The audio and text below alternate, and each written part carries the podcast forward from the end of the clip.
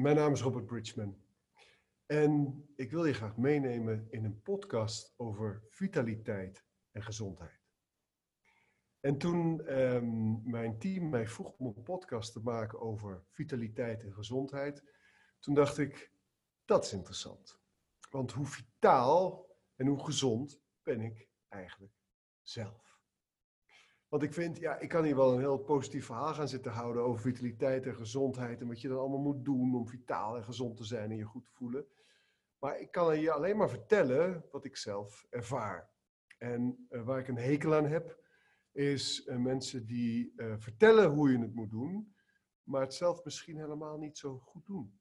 Dus dit kon wel eens een kwetsbare podcast worden.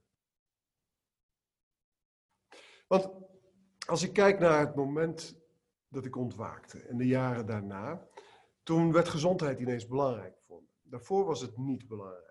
Ik was uh, een hele opgeblazen fan. Zijn wel van die oude foto's van me op, uh, op, op internet te vinden. Een opgeblazen fan. Heel veel roken, heel veel drinken, heel veel eten. Ik weet nog dat mijn ex-vrouw en ik dan op vrijdag naar de supermarkt gingen voor het weekend.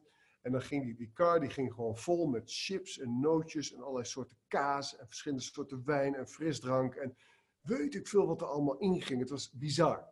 En dan ging, kwam je thuis met die grote boodschappentas en dan voelde ik me altijd zo fijn, want dan gingen we uh, weekend vieren en dan gingen die, die boodschappen allemaal op, in de kast en de koelkast. En dan ging de thuiskloffie aan, en gingen de films op. En dan gewoon lekker, maakt allemaal niet meer uit. Hup, jointje erbij, uh, biertje erbij, uh, sigaret, vrienden over de voer. Er kwam die en die kwam even mee chillen. Je kunt je voorstellen dat toen ik wakker werd en um, in een ander bewustzijn kwam, dat ik dacht, wow, wat, wat ben ik eigenlijk aan het doen? Um, uh, waar ben ik op af aan het stevenen als ik zo doorga? En ik ben toen veranderd. Ik heb bijvoorbeeld mijn tv de deur uitgegooid. Dat is ook gezondheid. Hè? Gezondheid is ook mentale gezondheid. Gezondheid is niet alleen wat je fysiek tot je neemt, maar ook wat je emotioneel, mentaal en spiritueel tot je neemt. En um, ben toen gestopt met die filmmarathons. Ben gestopt met alles wat met porno en met horror en dat soort ellende te maken heeft. Dat trilt op een enorm lage trilling. Um, daar heb je energetisch last van. Die beelden blijven allemaal in je hoofd. Je seksleven wordt erdoor verpest.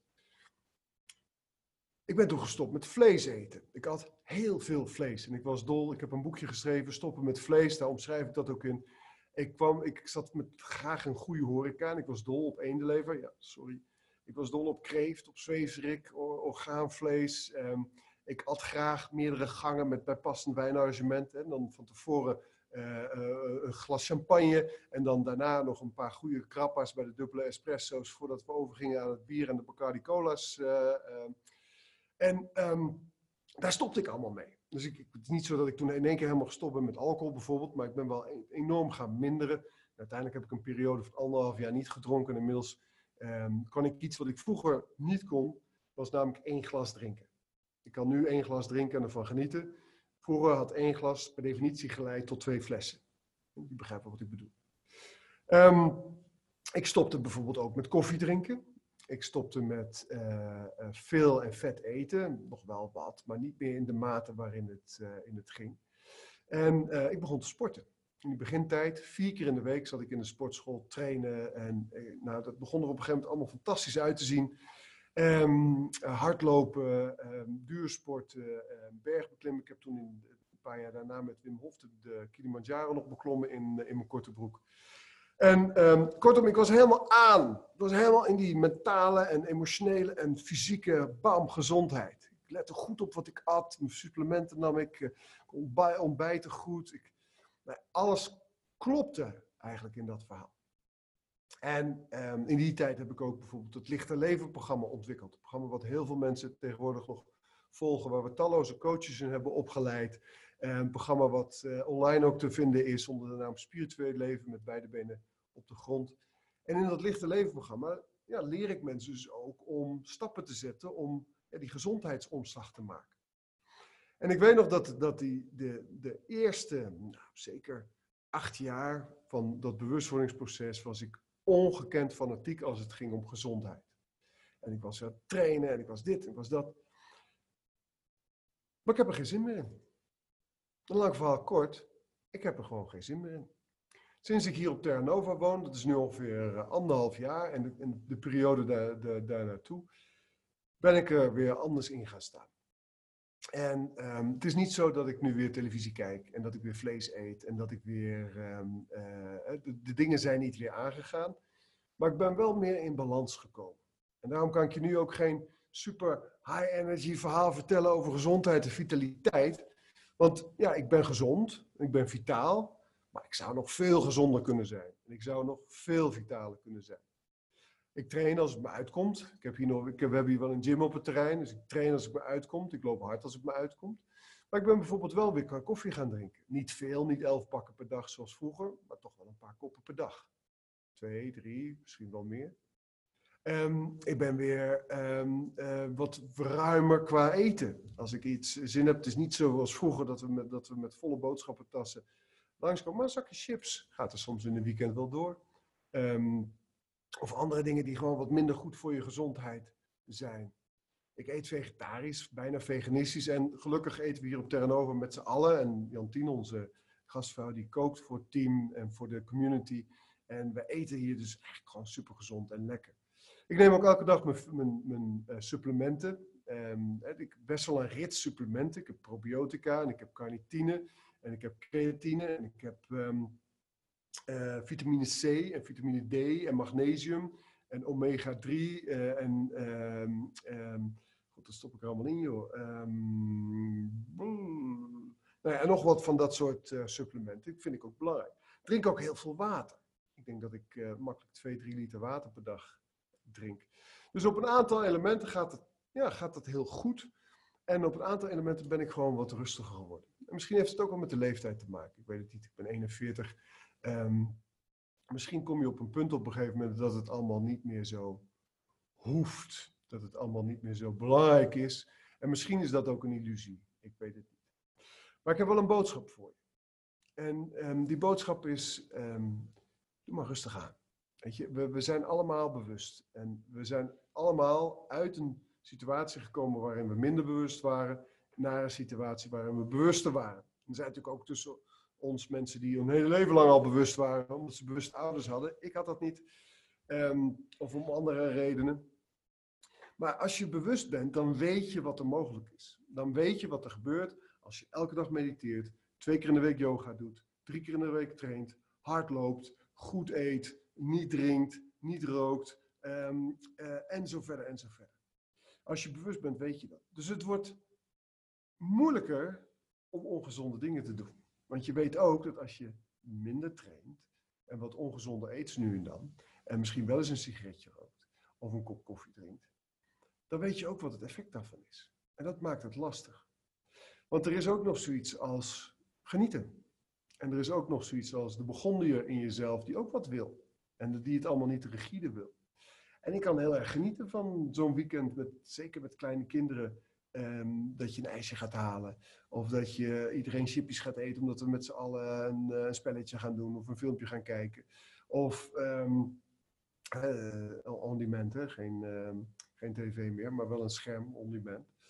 En nee, je begrijpt wel wat ik bedoel. En ik denk dat het de, de, de kunst is, ik heb daar een tijd tegen gevochten, om, uh, omdat ik, ik wist hoe het uh, hoe het hoort. En als je daar dan niet aan voldoet voor jezelf, dus die, niet aan die lat voldoet, dan um, um, geeft dat ook een bepaald schuldgevoel.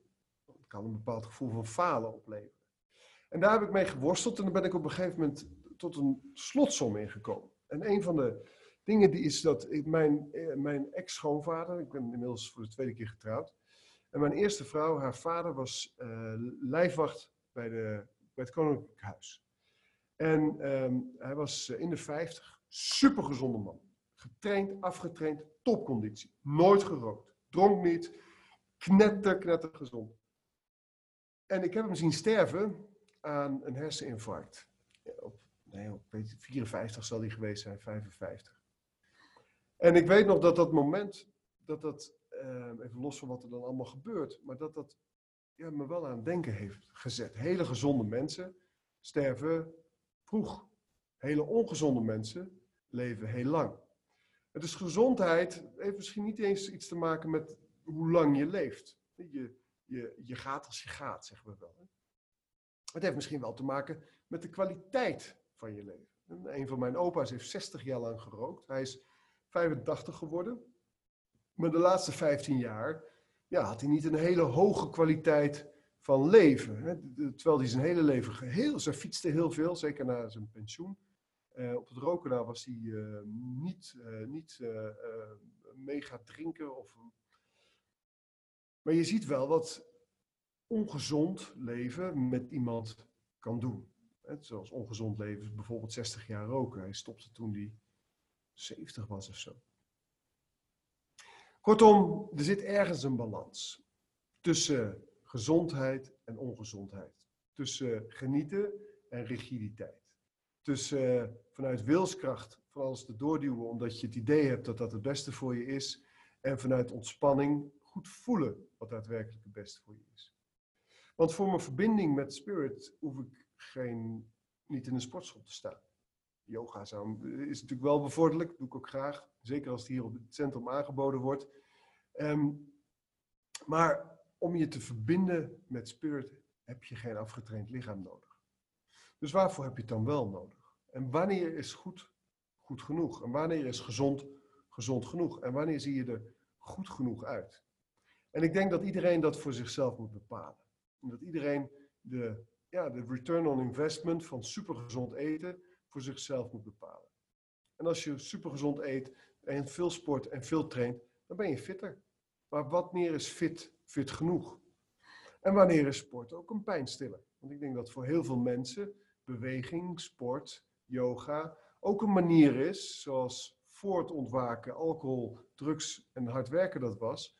Ehm, misschien wel, hè, of, of eten, wat, wat dat dan ook voor jou was. Om bepaalde pijn te stillen, een bepaalde pijn te onderdrukken. En op het moment dat je ze niet meer doet, dan ga je die pijn weer voelen. ik weet nog, ik heb jarenlang een ochtendbeoefening van anderhalf uur gehad. En uh, dat heeft me veel goed gedaan. Dat heeft me echt heel veel gebracht. Maar ik weet ook dat als ik stopte met die ochtendbeoefening, dan ging ik me minder goed voelen. Dus wat brengt die ochtendbeoefening mij dan? En als je het een tijdje niet meer doet, dan ga je je minder goed voelen. Dus het, is, het zijn manieren waarmee je ook iets kunstmatig hoog houdt. Zeker zolang je niet in staat bent om te kijken wat daaronder ligt. En ik denk dus, en dat is misschien wel de boodschap van deze podcast, dat het mooi is om voor jezelf te voelen, wat is fit genoeg voor mij? Niet wat zou kunnen, maar wat is oké voor mij? Waar voel ik me wel bij? Wat is er goed uitzien en hoe zie ik er goed uit? En kan ik mezelf accepteren zoals ik ben, ook al voldoen ik niet aan de lat die ik ooit onbewust voor mezelf heb genomen? Of neergezet eigenlijk. En um, ik denk als je dat doet, dan komt er ook een stuk rust. Er komt er een stuk ontspanning. Um, komt er een stuk acceptatie.